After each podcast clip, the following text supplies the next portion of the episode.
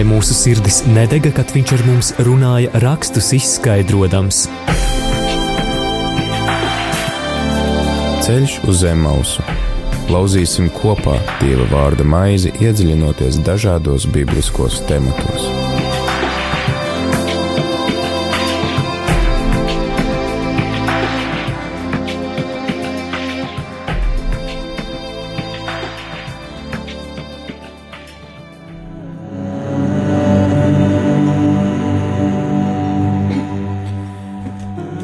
5 un 1 minūte 4. 12. decembrī ar tevi ētrās mēs priestris Pēteris Skudra un laiks uh, mūsu raidījumam Ceļš uz Emausu, kurā mēs jau otro sezonu pēc kārtas uh, cenšamies tā secīgi iet cauri uh, radīšanas grāmatai, pirmajai mūzus grāmatai un uh, tā stāstu pēc stāsta iepazīt. Tad, uh, ko šī grāmata atklāja mums, kas ir tas, ko tekstu autori ir vēlējušies pateikt, un kā arī šos tekstus mēs varam attiecināt uz savu ikdienu. Un, kā jau arī ierasts, tad šajā raidījumā mums vienmēr ir kāds viesis. Šodien tā ir Astra Danenfelde. Labvakar! Labs vakars! Astra ir teoloģijas doktora un šobrīd strādā par bērnu slimnīcas paliatīvās nodaļas kapelāni. Kā tas nākās, ka teoloģijas doktors nonāk pie bērniem slimnīcā? Man liekas, tas ir ļoti loģisks ceļš, jo teoloģija bez, bez praktiskās saskarsmes ar cilvēkiem un arī viņu problēmām un kā pati dzīvības un nāves tēma, tur tas, tas ir neiedomājami. Un kaut kā tas dzīves ceļš tā ir vedis, kad no vienas kalpošanas draudzē ar, ar konkrētu draudz cilvēkiem ir mani aizvedis pie bērniem, kuri šobrīd ir palietīvajā aprūpē. Un ar daudz smagākiem varbūt jautājumiem un ar daudz smagākām dzīves tēmām, nekā varbūt ikdienā mēs saskaramies. Un tas ir tāds ļoti intensīvs, bet arī, es varētu teikt, ļoti svētīts darbs, jo, jo tās dvēseles ir ir atvērts un tie notikumi ir ļoti, ļoti varētu teikt, ir gan raibi, gan arī uh, spraigi. Un, un tad, kad es šajā nodaļā sāku strādāt, es uh, redzu, ka tā kalpošana ir daudz intensīvāka, viņi ir daudz dziļāka. Jo problēmas un nāves tēmas uh, tiešām atver cilvēkus arī ieklausīties un pārdomāt, kas, uz kurien tad es eju un kas ir vispār manas pamatvērtības. Jā, šodien arī tad, pārdomājot šīs dienas rakstu vietu, kas ir radīšanas grāmatas 37. nodaļa, arī mūs noliks zināmā mērā uz tādas dzīvības un nāves jautājuma robežas, un atgādina klausītājiem, ka esam tikuši līdz 37. nodaļai radīšanas grāmatā, un šī nodaļa runā par Jāzepu un viņa brāļiem.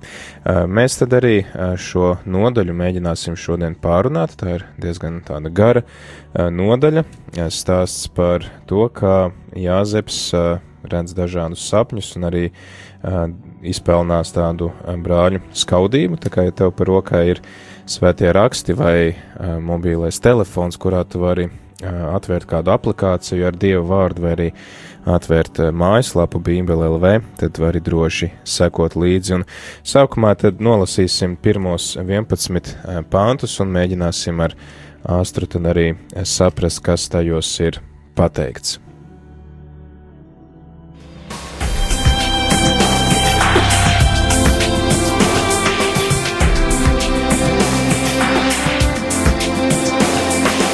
Ceļš uz zem mausu katru ceturtdienu, pulkstens 17.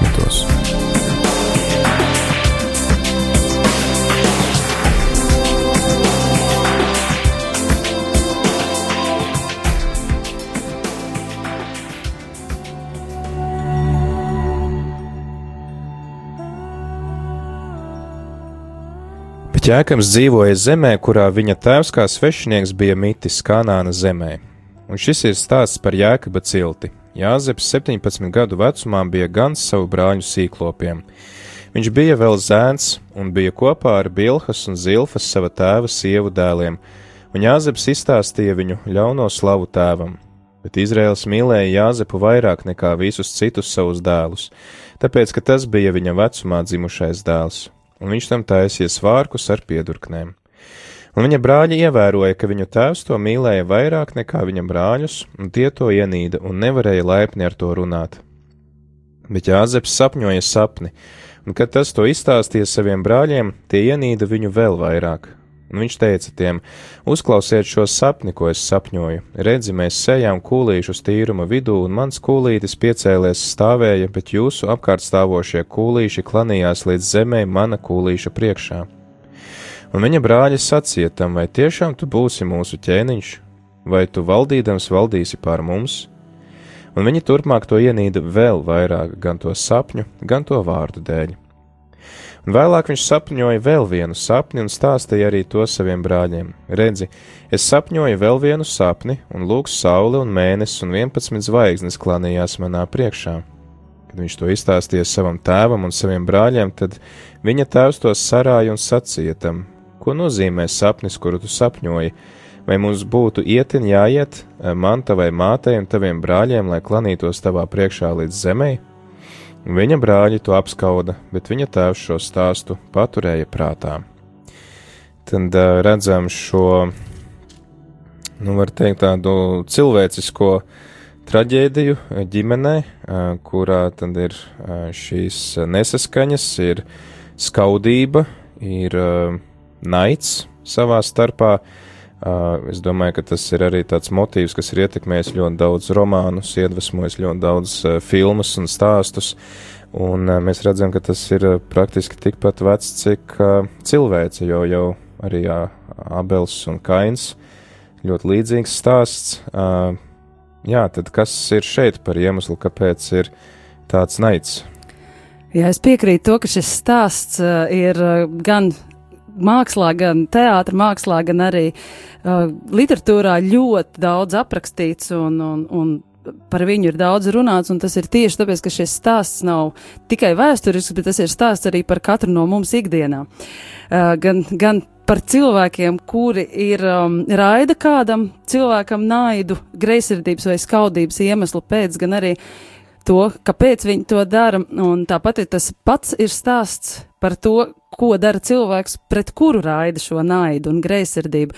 Un tās ir, manuprāt, ļoti aktuāls tēmas eh, gan tajā laikā, gan mūsdienās, un arī es pieļauju, ka būs daudzus gadus vēl uz priekšu arī šīs te pašas tēmas, jo tās ir ļoti cilvēciskas tēmas.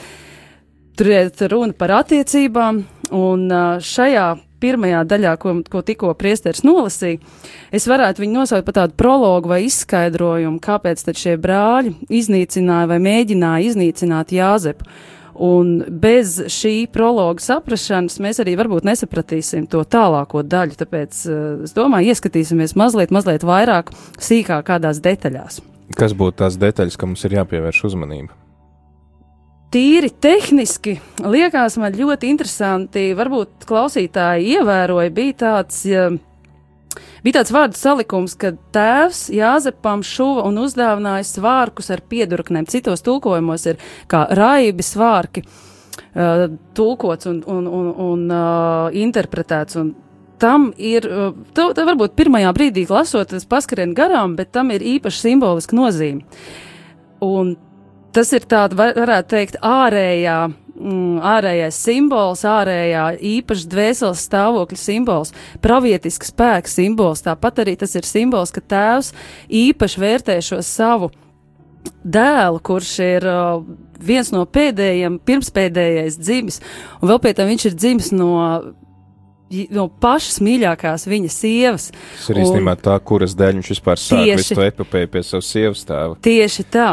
Un tas ir viņa tēva ilgu piepildījums, un tur ir. Uh, tas ir loģiski, ka šis dēls, ir, kuram vēl pie tam ir pravietiskas dāvanas, ir ļoti tuvs šim tēvam. Jo viņš ir, viņš ir gan garīgi, gan miesiski vistuvākais tēvam. Un tā nu sanāk, ka uh, šī viņu tēva un dēla attiecība tuvums ir, um, nu, varētu teikt, tāds kā, nu, ābola, āb, nokosts ābols, ko tie pārējie brāļi nevar pieņemt. Un, un tur arī sākās šī, šajā ģimenē attiecība drāma, un manuprāt, to nevar varbūt skatīties tā ļoti šauri vienas ģimenes kontekstā, bet šis konteksts var būt arī jebkurā citā jomā, darba jomā. Un, un, un, un visos pārējās tiešām dzīves jomās. Es varētu teikt tā, ka uh, var, šajā attiecību drāmā ir divas pakāpes konfliktam pirmkārt ir uh, šī naida un greizsirdības un skaudības pamatā. Ir greizsirdība no brāļa puses uh, attiecībā uz Jāzepu par to, ka tēvs viņam iedod šo īpašo uh, cilvēcisko, uh, cilvēcisko attiecību vietu vai piešķir īpašo vietu cilvēciskajām attiecībām. Uh, tas gan attiecās uz sociālām sfērām, ikdienā un statusu un, un, un, un, un arī, arī uh, šajā ģimenē, kur viņš ir pirmspēdējais dēls vai pats jaunākais, viņš ieņem, varētu teikt, vadošo lomu, kas jau ir absolūtā pretrunā ar tā laika sabiedrības un kultūru, uh, to, to, kas tur valdīja, jo parasti tas bija pirmdzimtais, pirmais vecākais dēls, kuram bija šīs īpašās dieva dāvanas un arī no tēva īpašā uzmanība. Un šeit pēkšņi par vienu no mīļākajiem vai pašu mīļāko tuvāko dēlu, kurš manto gan garīgumu, gan, gan daudz citas lietas, īpaši uzmanību no tēva, kļūst jaunāka, viens no jaunākajiem. Bet šajā ģimenē tas jau nav nekas jauns, jo Jēkabs arī nav vecākais, kas dabū to mantojumu. Un Tieši. Tur, tur, tā, tur tas favorītisma problemātika parādās, ka tēvam viens mīļāks, mātei otrs mīļāks, un tad tur tā kā caur viltu tiek izdabūtas tās lietas, un šeit arī līdzīgi tas jāzeps tās tā liekas tā kā atkārtojas, jēkabas tās. Tieši tā, bet tas ir stāsts tagad par to, ko mēs darām, kad mēs redzam it kā pret mums vērstu netaisnību. Un tā, tā, tāpēc, ka tas nav pirmo reizi jau stāsts arī Kārnis Ābels un tas, ko jūs pieminējāt, tas nozīmē, ka šī ir problēma, kur, kur nemaz tik vienkārši nav atrisinām un viņi ir ļoti cilvēciski problēma. Un atgriežoties pie tā, kas tad ir šīs greizsirdības un skaudības pa pamatā, tā ir tiešām tā, tā pirmais līmenis ir tāds ģimenes ikdienas status, uh, kurš ir šiem brāļiem nepieņemams, bet otrs, kas ir vēl sāpīgāks šiem brāļiem un izraisa vēl lielāku skaudību, greizsirdību, ir tas, ka viņi pamana šo izredzētību no dieva puses savā brālī. Viņi pamana to, ka ne tikai tēvs ir viņu izredzējis īpaši, bet praviešu dāvans ir iedevis arī dievs ar īpašu svētību garīgajā jomā. Un, uh, kā mēs pēc tam, protams, šodien ne, ne, neaizskarsim, jo tas ir grāmatas vai šī stāsta tālākajās nodaļās, bet šī garīgā svētība arī izrādīsies ļoti liels svētības zemes lietās, un šo ģimeni atkal satuvinās kopā.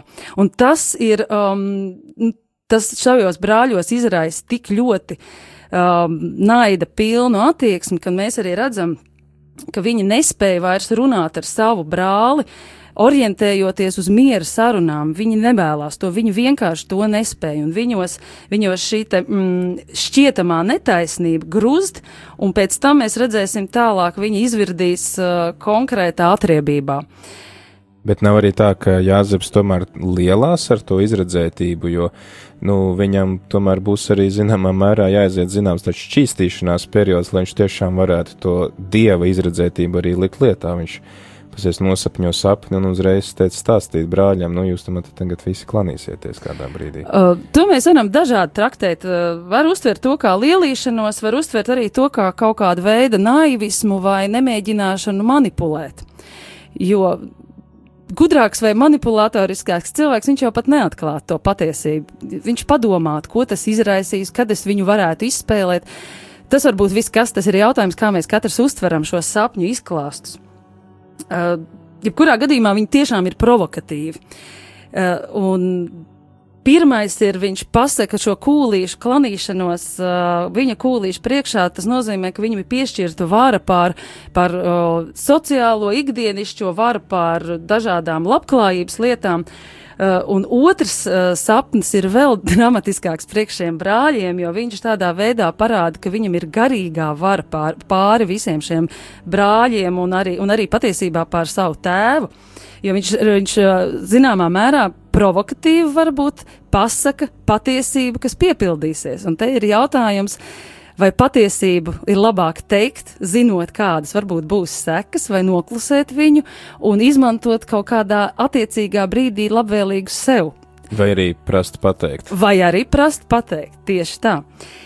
Bet uh, ir pilnīgi skaidrs, ka šis te viss priekšstāsts ir ļoti būtisks, lai saprastu, kāpēc ar viņu vēlējās šie brāļi izrēķināties. Jo, nu, cilvēcisks faktors ir arī jāsaprot, ka tas ir ļoti cilvēcisks šīs just brāļiem šo naidu un greizsirdību. Būsim godīgi, neviens no mums nav pasargāts no tā. Pilnīgi neviens, bet ir jautājums, ko mēs ar to darām un vai mēs, vai mēs mēģinam iet uz šīm miera sarunām, vai arī mēs uh, laižam savus naida un atriebības zirgus pirmo, pil, pilnos auļos, un, un tieši par to šeit ir stāsts. Jā, tā tad uh, greizsirdība, kas uh, daudz kur parādās uh, svētajos rakstos, kā tāds iemesls šīm nesaskaņām. Uh, vēl mazliet pie tā ievada stāsta, pirms mēs dodamies tālāk.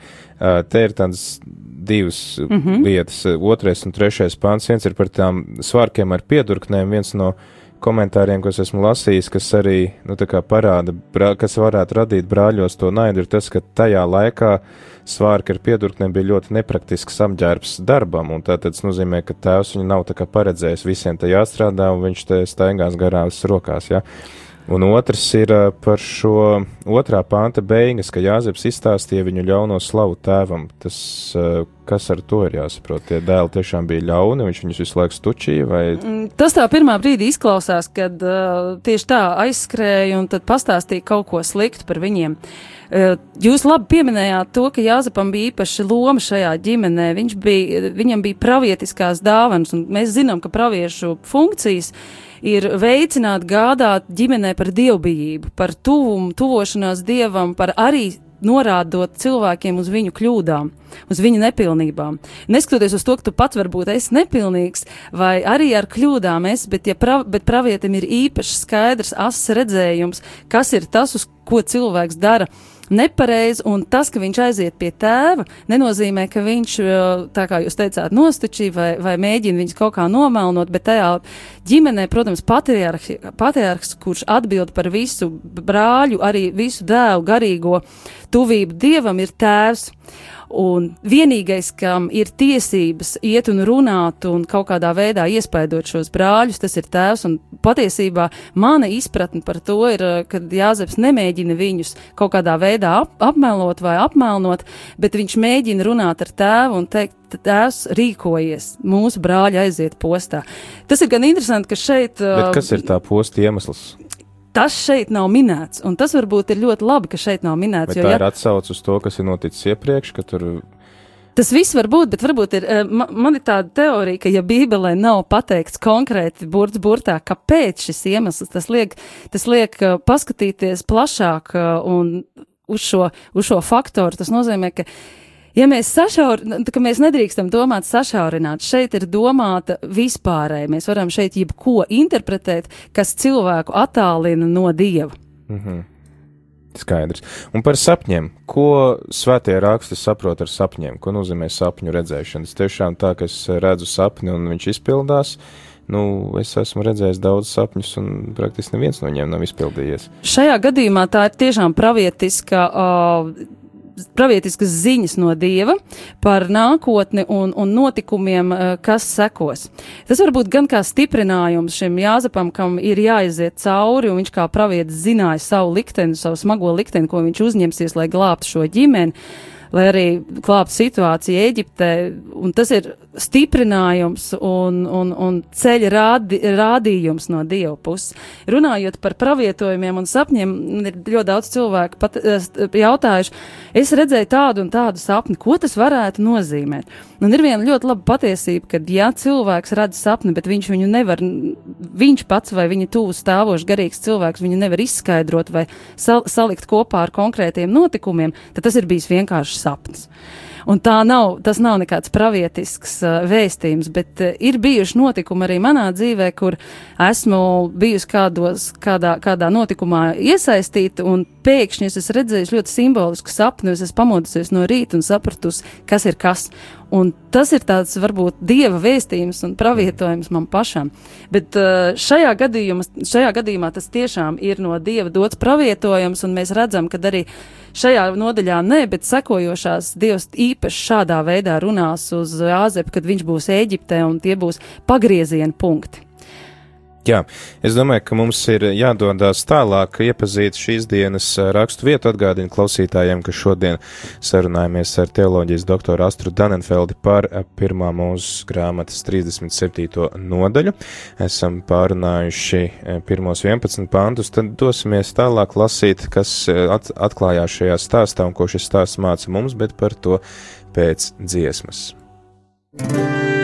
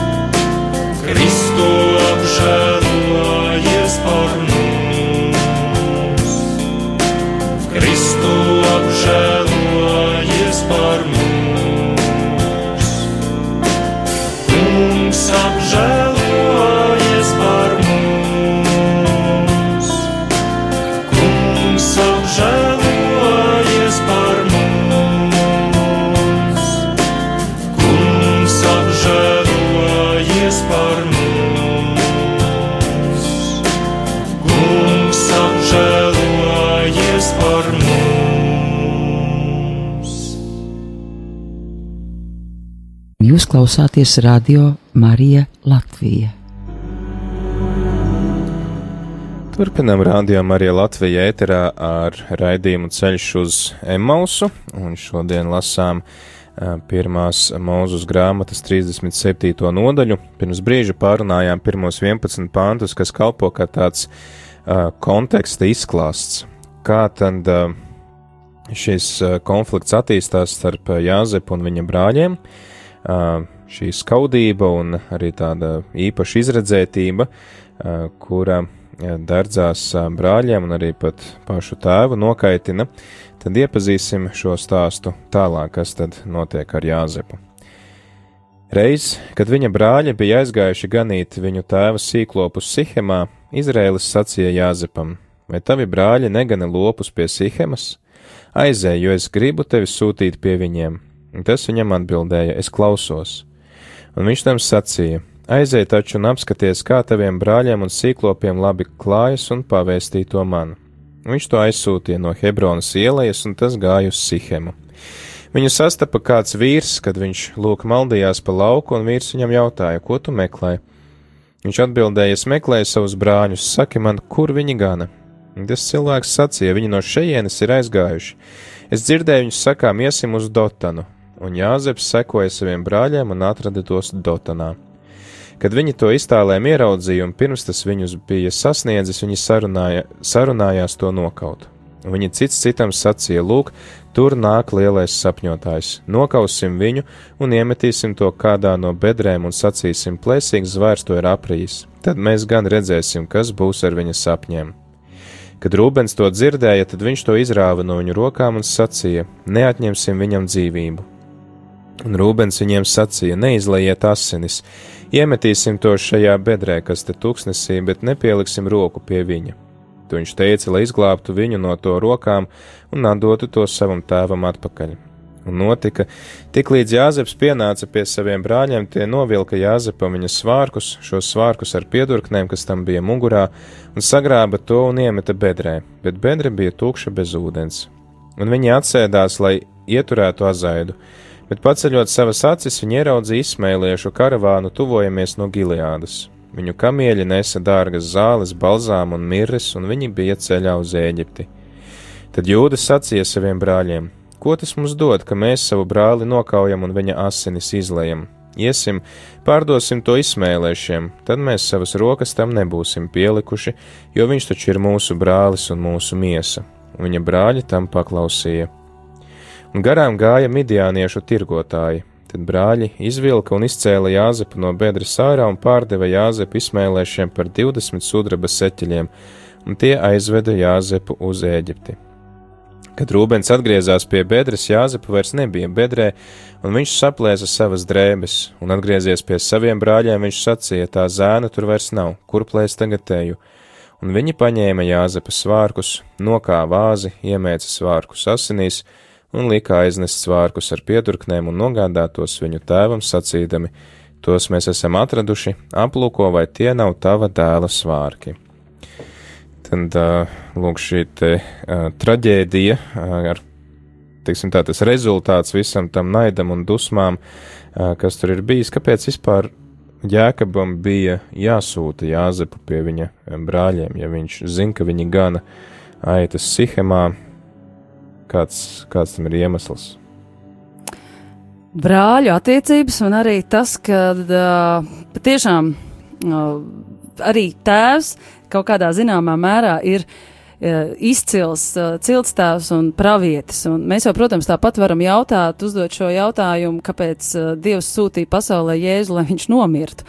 Tas ir, ļoti, tas ir tieši tā pati tēma, vienkārši ir tas dzīves ceļš un, un, un tie notikumi tādi ir. Un, uh, Tam tā bija jābūt, es pat varētu teikt. Mm. Vienkārši tam tā bija jānotiek, jo Jo mm, es teiktu tā, ka uh, tas ir šajā, šajā lielajā daļā, kur, protams, arī ir jāskatās bišķiņ, bišķiņ detalizētāk, var ļoti skaidri redzēt, cik uh, dziļi saindē cilvēka sirdi naids, uh, un ne tikai attieksmē, bet jau konkrēti darbībā. Un var teikt, ka tad, kad cilvēks varbūt vēl, vēl iekšēji cīnās ar jūtām, ar naidu, tas ir viens, bet tad, kad viņš jau nolēma īstenot konkrēti, pārdomātā, ne spontānā veidā, tas jau saindē ne tikai cita cilvēka dzīvi, bet tas patiesībā ir, arī varētu pat teikt nāvu pašam. Jā, iesim varbūt pa, pa gabaliņām. Uh. Gab, es varu uzdot jautājumu Jā. par gabaliņām, ejot. Šeit ir vairāk kārt uzsvērtas tās uh, geogrāfiskās vietas. Jā. Hebronas ielejas, Sihema, tad ir Dotāna. Uh, vismaz, teiksim tā, līdz šim mēs pārunājot ar klausītājiem savā raidījumā, uh, tad esam sapratuši to, ka vienmēr, ja svētajos rakstos ir reiz pieminēts kāds geogrāfiskās vietas, tām ir ļoti kaut kāda svarīga nozīme, kaut kāda simboliska vai. Protams, jā. Uh, īpaši simboliski nozīme šeit ir Hebronai un uh, Sihēmai vai Šehema, kā nu, kā nu viņu kuros uh, tulkojumos raksta. Uh, Hebrona uh, sastāv no diviem vārdiem un uh, pirmā vārda daļa, jū, ebreju, protams, un pirmā vārda daļa ir um, no, vārda, no darbības vārda savienot vai saistīt, un otrā vārda daļa ir vairāk tā kā, nu, ar, ar, ar draudzīgumu saistīts. Uh, mēs nevaram latviski pārtulkot viens pret viens šo te jēdzienu, mm, bet būtībā tas nozīmē draudzīga, lolota vieta, izlolota, draudzīga vide. Tas tā kā tā apsolītā zeme, kas bija Abrahamam solīta, kaut kas tāds? Šajā kontekstā tam tam nav tik ļoti izšķiroša nozīme, jo mm, tā ir vieta, no kuras e, Jāzeps iziet. Tas simbolizē to, to viņa īpašo mājas vidi, īpašo, īpašās attiecības ar tēvu, šo, šo mīlestību, šo lolojumu, kā jūs jau teicāt, šos svārkus, kas nav praktiski, bet, e, bet viņš ir mīlēts, lolots un arī draudzīgā vidē attiecībā no mammas un tēva uzaudzis, es varētu teikt, pasargāts, un mēs dažkārt varbūt runājam par tādu kā nelielu siltumnīcas efektu. Tas ir kā kāds jaunietis, kas kā pārgriež to nabas saitu, sāk patstāvīgi jā, dzīvi kaut kas jā, tāds. Jo otrs vārds sihem vai šem, uh, viņa izpratne ir um, tiešā nozīmē, viņa, uh, šis vārds apzīmē grēdu vai muguru, Bet ļoti daudzos kontekstos viņš ir domāts kā liktenis. Un ja mēs paņemam šos te vārdus kopā, eh, tad izpratne eh, vietai šihem ir, eh, varētu pat teikt, nastu uz muguras vai smags liktenis. Un tieši tas ir šeit tas simbolisms, ka tu, kā jebkurš cilvēks, viņš no, tiek lolots ģimenē, varbūt pat mazliet lutināts, bet tad iestājās tā dzīves realitāte, un Jāzepam arī ir jāpieņem, jāpieņem šis grūtais liktenis vai arī ir jādodas uz šo grūto liktenes pusi. Protams, tā ir viņa izvēle. Viņš varēja neiet pie šiem brāļiem, un jūs jautājat, kāpēc viņš iet pie šiem brāļiem, vai kāpēc viņam ir jāiet pie šiem brāļiem. Patiesībā tā tiešām simboliskā nozīmē ir šī izlaušanās mūsu, mūsu realitātē, skaudīgajā realitātē, kur mēs sastopamies ar visādiem izaicinājumiem un grūtībām. Un man vienmēr patīk teikt, ka īpašs dievišķs aicinājums nāk kopā ar īpašu smagu izaicinājumu. jo tiem cilvēkiem, kam ir daudz dots, viņiem ir arī ļoti daudz izaicinājumu un grūtības, ar ko sastopās viņi. Un, Tas šī kontekstā parādās ļoti labi, un mēs zināsim arī, kā turpināsies šis notikums. Uh, Vēl tur 15. pantā ir eh, tāds noslēpumains vīrs, un es tagad tā domāju, ja lasam par eh, lielajiem patriarchiem, visiem Abrahamam ceļā parādās Melhizedeks, par kuru Pāvils saka, ne viņam ir radi pirms tam, ne pēc tam. Es pagājušajā tieši par to runāju, lai jā. tas būtu interesanti. jā, nu, jā. Lūk, tad var arhīvā paskatīties. Tam pašam Jēkabam viņš cīnās pa nakti ar kādu noslēpumainu būtni, kas arī uzrodās no kaut kurienes. Jā. Tagad viņam arī šeit ir kāds vīrs, kurš redz, ka Jāzeps ir apmaldījies, un, un viņš prasa, ko tu meklē. Kas tas kas ir šī noslēpumaina? Tā ir vienmēr viena tā pati būtne, vai tas ir katram cits kāds? Ziniet, mēs to nevarēsim šeit noskaidrot. tas, ir, tas ir tas paradoks, kad ļoti labi, kad arī mēs nevaram pilnīgi visas lietas noskaidrot un pateikt, vai tas bija eņģēlis vai eņģēlim līdzīgs cilvēks vai cilvēks, kurš rīkojās Jāzep dzīvē kā eņģēlis. Bet, eh, jā, ir tiešām ir versijas, kur ir lasītas, eh, komentāros eh, lasītas ir versijas par to, ka tas ir bijis eņģēlis. Tas tā varētu arī būt, bet būtiski ir izšķirošāk šajā stāstā ir tas, ka viņš iesaistās dialogā ar Jāzepu un, un šī dialoga būtība ir daudz būtiskāka nekā kas ir šī būtne. Mhm. Un kas tad ir tā dialoga būtība? Pirmkārt, ja paskatās šo dialogu, liekas pilnīgi neloģiski ceļā Jāzeps sastop cilvēku, kurš pats ir apmaldījies. Un Jāzeps, uh, un toties šis cilvēks nevis tā kā mēs tagad loģiski domātu, pieiet klāt un uzprasītu Jāzepam, uh, kur ir, kur mans, uh, mans mērķis ir tas un tas, kur, kur man ir jāiet, parādi man ceļu, bet notiek otrādi. Apmal, it kā apmaldījies cilvēks, vēl apmaldīsies būt, nāk, nāk pie Jāzepa un uzdod viņiem jautājumu, uz kurieni tad tu ej. Tas vien liek domāt, ka tiešām šī būtne nav uh, netīšām, nav viens nomaldījies cilvēks, bet tā ir, uh, būt, tas ir būtisks jautājums, būtiska tēma pašam Jāzepam. Un tas patiesībā uh, viņam, viņš jau ir izgājis ārā no sava tēva nama, viņš ir izgājis no šīs te draudzīgās un maigās vietas, Un viņš ir vēl ceļā uz to, uz to smago likteni, un tas ir tāds, varētu teikt, ceļa posms vai, vai vēl viena iespēja, ko Dievs dod uh, pateikt šo jā vai nē.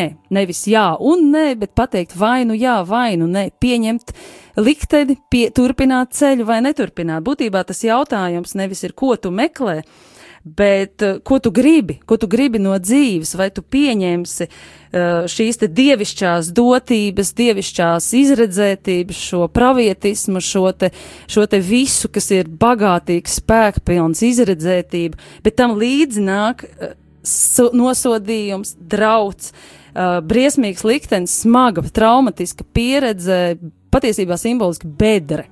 Un tas ir jautājums, kur katram mums ikdienā, vienalga, vai mēs esam kristieši vai neesam kristieši, mums ir jāizdara kaut kādā veidā.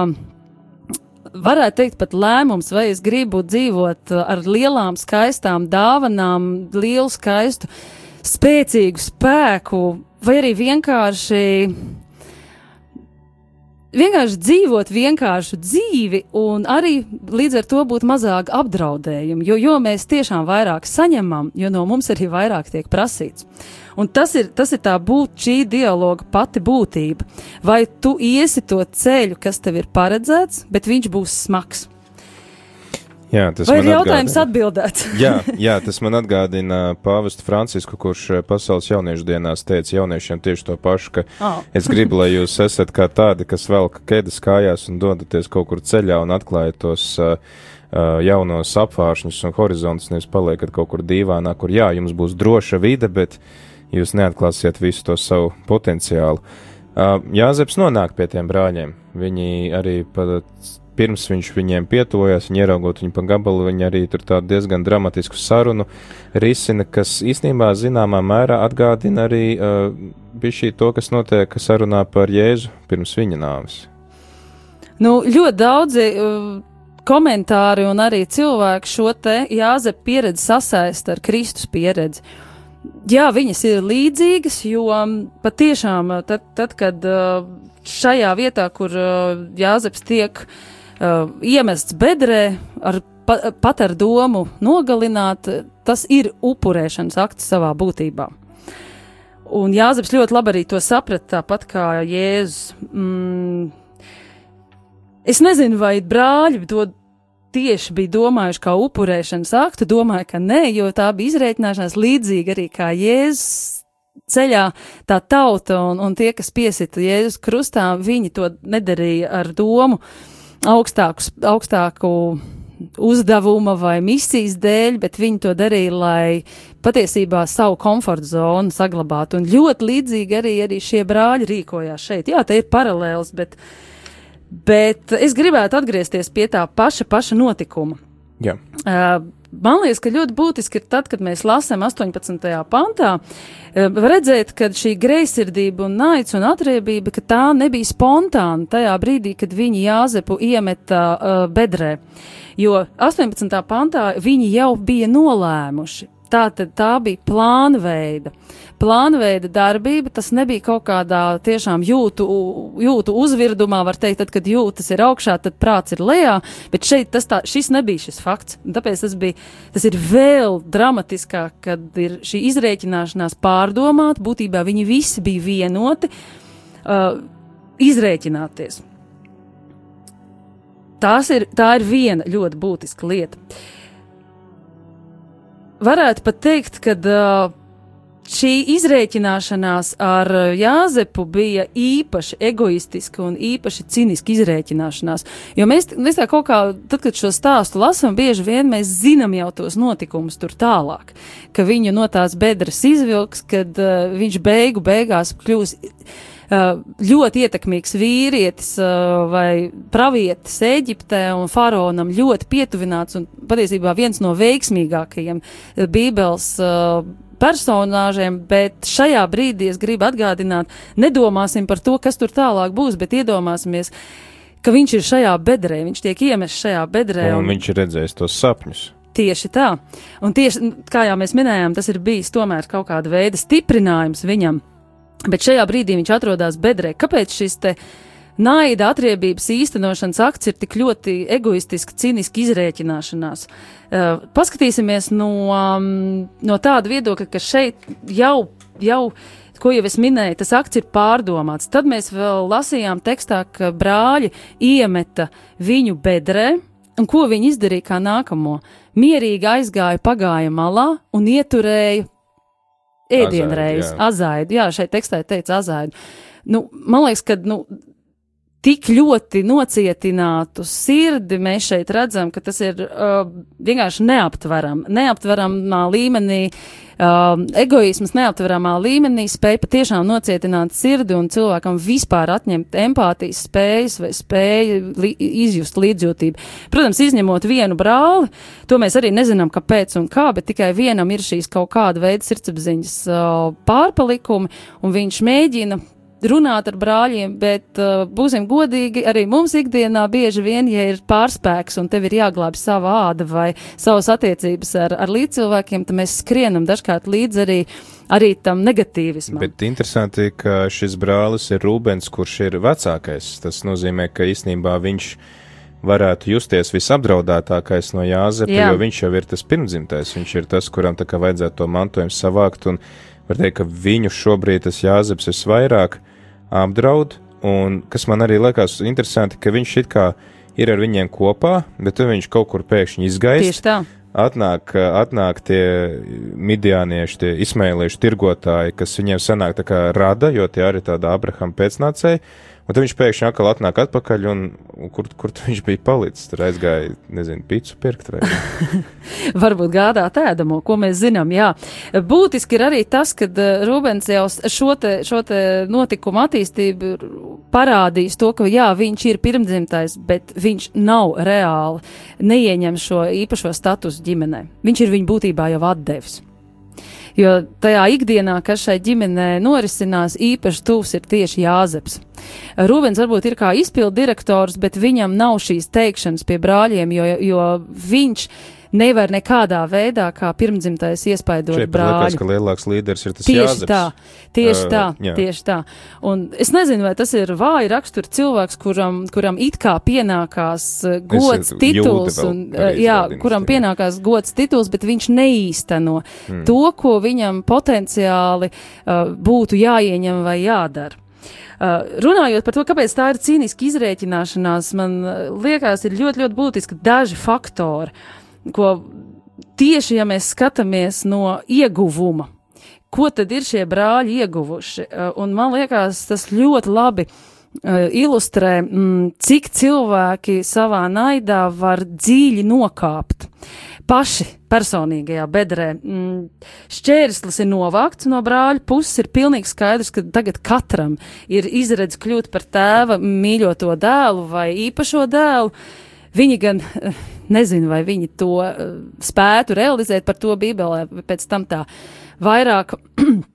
To mēs tā neredzam, bet jebkurā gadījumā šķērslis ir novākts, ir tāda neliela atelpa, jā, mēs sēžam, ēdam, tagad varētu pat teikt uh, gavilējam, jo toreiz galda kopība bija, varētu teikt tāda savstarpējā derības slēgšana. Ja mēs ēdam maltīti kopā, tad mēs esam vienoti savā draudzībā, savos uzskatos un arī ceļā. Viņi viens otram uh, varētu teikt, kad uh, pauž šo atbalstu vai, vai pauž to, ka jā, mēs esam komanda, mēs visi strādāsim kopā. Tātad šis šķērslis ir novākts. Iegūms ir um, materiālais labums 20 sudraba šekeļi. Un tajā brīdī es domāju, ka tas ir visciniskākā spīdzināšana garīgā un psiholoģiskā nozīmē. Jo patiešām, ja tu vēlies kādu mm, nogalināt vai kaut ko izbeigt, tad uh, dažkārt ir šim cilvēkam ir vienkāršāk, ja viņu nogalina, nevis iemet bedrē un pēc tam vēl spīdzina. Tu nezini, ka, kādā, kā tikt ārā, kādā tumsā dzīvot, tu nezini, un uh, varbūt tajā brīdī pat Jāzepam būtu daudz vienkāršāk nomirt šajā bedrē. Tā ir tiešām garīgi, psiholoģiski un arī fiziska, reāla izreikināšanās un spīdzināšanās ļoti nežēlīga. Jo arī to pierāda šie 20 sudraba seķeļi. Es eh, šodien speciāli paskatījos, mēģināju atrast tādu ekvivalentu, cik tas varētu būt. Patiesībā tā ir ļoti maza summa. Tas vien norāda, ka šie brāļi par lētu naudu, nu, ne jau īpaši, lai iedziļinātos, tas, tā, tas nebija materiālā labuma gūšanai viņi pārdeva. Tas arī ir ļoti būtiski šeit to redzēt. Bet viņi ar šiem 20 sudraba šekaļiem novērtēja Jāzepa dzīvi un dzīvību ļoti zemu. Nu, principā viņi vienkārši atrada iemeslu no viņa atbrīvoties. Tad. Nu, jā, jā, protams, bet uh, norādot vēlreiz un vēlreiz, mēs tev necienam. Un mēs arī redzējām pašā sākumā, tad, kad Jāzeps tuvojās saviem brāļiem, viņi smējās par viņu. Un es varētu teikt, ka uh, šis te tiešām šis notikums, kur uh, Jāzeps tiek iebāzts bedrē, iemests bedrē, ir tāds zināmā mērā upurēšanas akts, un mēs redzam šai brāļu rīcībā, ka mazliet jau dīvaini ir, bet iznākums ir vienkārši tāds, kad, uh, kad kas, par kuru ir jāizdomājās par šo upurēšanu, citu cilvēku upurēšanu mūsu ikdienā. Un šis ir sava veida upurēšanas akts, uh, sava pašlabuma iegūšanai, sava miera iegūšanai, sava kaut kāda uh, mērķa iegūšanai. Mēs esam gatavi atbrīvoties no otra cilvēka, viņu pazemot vai kaut kā izmantot savu mērķu sasniegšanai. Un vai dieniņās, vai tas nerunā par katru mūsu ikdienu? Un tas nav aktuāli. Tā tik tiešām man liekas, ka arī paradoxāli ir tas, ka ņemat uh, tajā bedrē, uh, varbūt no latviešu tulkojuma nevar saprast, kāpēc ir runāts par bedri bez ūdens, bet Tā ir tātad aka, tās jā. ir tās vietas, Jā. kur tūkstnesī cilvēki glabā ūdeni, un ūdens kā tāds dzīvības simbols, dzīvības devējs, jā, tad tie atkal tiek iemests pretēji. tā Kā, Tieši tā, un tas man liekas, ir pat ļoti zīmīgi, ka tā ir aka, kurā nav ūdens. Tā, tad, tas ir vēl viens simbolisms, ka tiek tiek iemests uh, vēl lielākā tumsā, vēl lielākā uh, bedrē, kur valda nāve un bezcerība. Jā, un tad viņš nokļūst Eģiptē. Jā, bet tas ceļš jau uz turieni, uz to Eģiptu arī vēl ir ļoti interesants.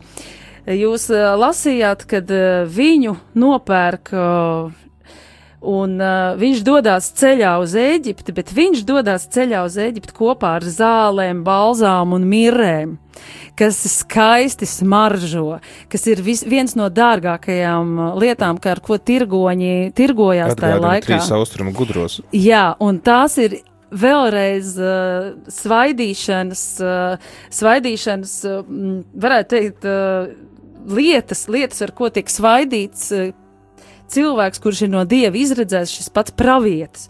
Tas jau ir interesanti, ka cilvēks, kurš pirms tam bija uh, nāves. Bedrē, kurš, kuram bija atņemta jebkāda līdzjūtība no, drau, no brāļu puses, ka viņš tālāk dzīvē dodas uz savu nākotni, viņš dodas ar mirrēm, ar balzām un zālēm. Viņš dodas uz nākotni patiesībā ar iespējām. Uh, šis uh, dievišķā svētība, kas viņam bija no dieva dota, viņa nav, nav tikusi viņam atņemta. Viņš dodas ceļā tieši tāds pats dieva izredzēts, neskatoties uz to bedri, kurā viņu cilvēki gribēja iemest, kur, ar kuru viņu gribēja pazemot. Cilvēku naids un pazemošana neatņem dieva svētību. Tas ir ļoti būtiski šeit to redzēt un dieva apsolījumu. Tas var Kā ielikt apustulis. pauzi, bet Apostols Pāvils saka, ka man eh, varbūt ir zobens un kuģa katastrofas augstums, bats un vispārējais, bet uh, es apzinos to dievu klātbūtni. Kas ir interesanti, ka uh, lasot šo stāstu par Jāzepu un viņa brāliem, mēs nekur neredzam dievu darbojamies tiešā veidā. Viņš tikai caur tādiem sapņiem, caur šām zīmēm, bet, eh, jo, piemēram, Ābrahamam Dievs runā uz viņu tieši, vai ne, vai arī eh, Jēkaba gadījumā šeit, liekas, Dievs klusē, un tomēr ir jūtama viņa tā klātbūtne. tas ir tieši tāpat kā mums ikdienā un mūsu dzīvē. Dievs jau arī uz mums, es domāju, tas ir ļoti, ļoti reti, kur Dievs tiešā veidā kādam pasaka, vai arī caur šiem sapņiem, tas ir absolūts izņēmums. Bet uh, Dievs jau rīkojās tieši caur cilvēku attieksmi, cilvēku palīdzību vai cilvēku noraidījumu brīdī uh, citiem cilvēkiem. Dievs, kā es uh, bieži vien smējos, Dievs jau nav tāds balts tētiņš ar garu baltu bārdu, kuram ir kājas, rokas, un tāda roka no debesīm tādā tā kā zupā iejaucās un saliek visas lietas un visu pa, pa savām vietām. Tā tas nav. Dievam ir vajadzīgi cilvēki, Dievam ir vajadzīgi uh, notikumi, lai ļoti skaidri paustu gan, gan, gan, gan cilvēku savstarpējās attiecībās prieku, ap, atbalstu, un, un mēs jau esam tie dieva, dieva sūt, sūtneši un vēstneši, un pat dažkārt paši neapzinoties. Ja es drīkstu vēl atgriezties bišķiņ, bišķiņ apakaļ. Drīkst. Uh, es gribēju norādīt uz to, uz to simbolisko pretrunu, vai nevis pretrunu, bet pretnostatījumu, kur es jau pieminēju, Jāzbis dodas, n- varētu teikt, verdzībā ar uh, tomēr dievišķu apsolījumu un dievišķu svētību, un dodas uz savu nākotni neskaidro ar uh, ļoti lielu stiprinājumu. Bet ko dara brāļi, uz kurien viņi dodas un ar ko viņi dodas? Un tur mēs redzam, ka brāļi aptraipījuši savu brāli, savu brāļa šo īpašo tērpu. Viņi ierodās mājās, patiesībā atpakaļ pie, no vietas, kur viņi ir izgājuši. Viņi tas nozīmē, atšķirībā no Jāzeba, nedodas nekur uz priekšu. Viņi, at, viņi at paliek tieši tajā pašā vietā, viņi pat izdara soli atpakaļ. Un viņi nes līdzi nevis kādas skaistas dāvanas vai, vai, vai šos svaidījumus vai brīnišķīgas miras, bet viņi nes līdzi ar asinīm aptraipītas drēbes, varat iedomāties tajā laikā, kā tās smirdēja, kā tās izskatījās. Un man liekas, ļoti zīmīgi šī vieta parāda tieši, kur noved naids, kur noved izrēķināšanās, un ka ne jau vienmēr tas, kas ir tajā dziļajā bedrē un pret kuru ir vērsts naids, ka viņam nav nākotne. Tieši tam nav nākotne, kurš savu kaut kādu naidu vai nespēju pieņemt, piedot, uh, realizē konkrētās darbībās, uh, ka tieši tas ir tas, kurš nonāk uh, šajā dvēseliskajā tumsā un pats nonāk apakaļ bedrē. Jā, mēs tad arī šo stāstu, uh, šo nodaļu noslēdzam ar uh, sekojošiem svēto rakstu vārdiem, ka Jēkabs pazina šos svārkus un sacīja, tie ir mana dēla svārki, plēsīgs zvērs ir viņu aprījis, tas Jāzepu ir plosīts, saplosījis, un Jēkabs saplēsa savu apģērbu, lipa, lika ap gurniem maisa drēbi un daudz dienu sēroja Jāzepa dēļ. Tad cēlās visi viņa dēli un visas viņa meitas, lai viņu mierinātu, bet viņš negribēja ļaut mierināties un sacīja: Sērodams, es sekošu savam dēlam uz pazemi, un viņa tēvs to apraudāja. Bet midjānieši to pārdeva Eģiptē Potafaram, faraona galma vīram sardzes priekšniekam. Paldies, ka nolasījāt šo beidzamo daļu, jo tas ir tāds, varētu teikt, savilkums vai epilogs šī notikumam. Man ļoti patīk 33. pāns, kurš simboliski visu savā kopā un izsaka pašu būtiskāko šai notikumā. Tēvs apsēdies, uh, nobēdājies, arī pasaka šos zīmīgos vārdus - plēsīgs zvērs ir saplosījis.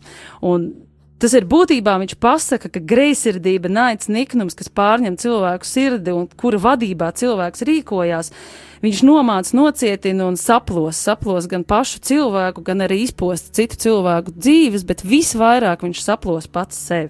Un vēl ko beigās es gribētu pateikt, tad, kad nākamais viesis nāks un runās par uh, nākamo rakstu vietu, tad uh, es domāju, ka uh, mēs vēl labāk redzēsim ko mēs arī šeit redzam, ka Diev, Dievs savos plānos nekad nevadās pēc cilvēku loģikas un standartiem un klišejām. Tam, kam cilvēki bija, to, ko cilvēki bija izplānojuši, tas nenotika, un tāpat kā šī hierarhija ģimenē bija it kā vispār pieņemta, bet Dievam bija pilnīgi cits plāns, un, un man ļoti patīk, ka Dievs sas, dažkārt caur šādiem notikumiem saspridzina mūsu priekšstatus par to, kā ir jārīkojās Dievam. Jā, un man liekas, ka arī uh, tas to secinājumu izdara pats Jāzeps uh, jau 43. nodaļā, ja nemaldos, ka tā, kad tie brāļi ir atnākuši, viņam jau tā kā prasa piedošanu, viņš nesaka, jūs mani te atsūtiet, viņš saka, Dievs mani atsūtīja šeit, Protams. lai es jūs varētu glābt, ka viņš arī caur šo nelaimi vai caur šo cilvēku ļaunumu saskata, ka īstenībā pāri visam ir stāvējusi tā Dieva apredzība un Dieva gudrība. Amen, un tas ir ļoti augsts garīgs līmenis, uz ko mēs katrs esam ikdienā aicināti. Jā, liels paldies par šo, es domāju, interesanto raidījumu. Es ceru, klausītāji, ka arī tu izbaudīji šo stundu. Kopā ar tevi ēterā biju es, priestris Pēteris Skudra, un kopā ar mums arī teoloģijas doktora Astra Danenfelde. Liels paldies, ka jūs atradāt laiku būt kopā ar mums šeit ēterā un arī palīdzēt iedziļināties šajā radīšanas grāmatas 37. nodaļā. Paldies jums par man doto iespēju! Jā, klausītāji, tad uh, noslēdzam šo raidījumu pavisam, pavisam drīz, pulksten uh, sešos turpināsim ar svēto misi, kas šodien ir paredzēta no uh, Alsu, uh, piedodiet, Saldus uh, baznīcas, un tad jau arī pēc tam Vesperes un Rožu kroņa lūkšana, bet mēs no jums tagad atvadamies.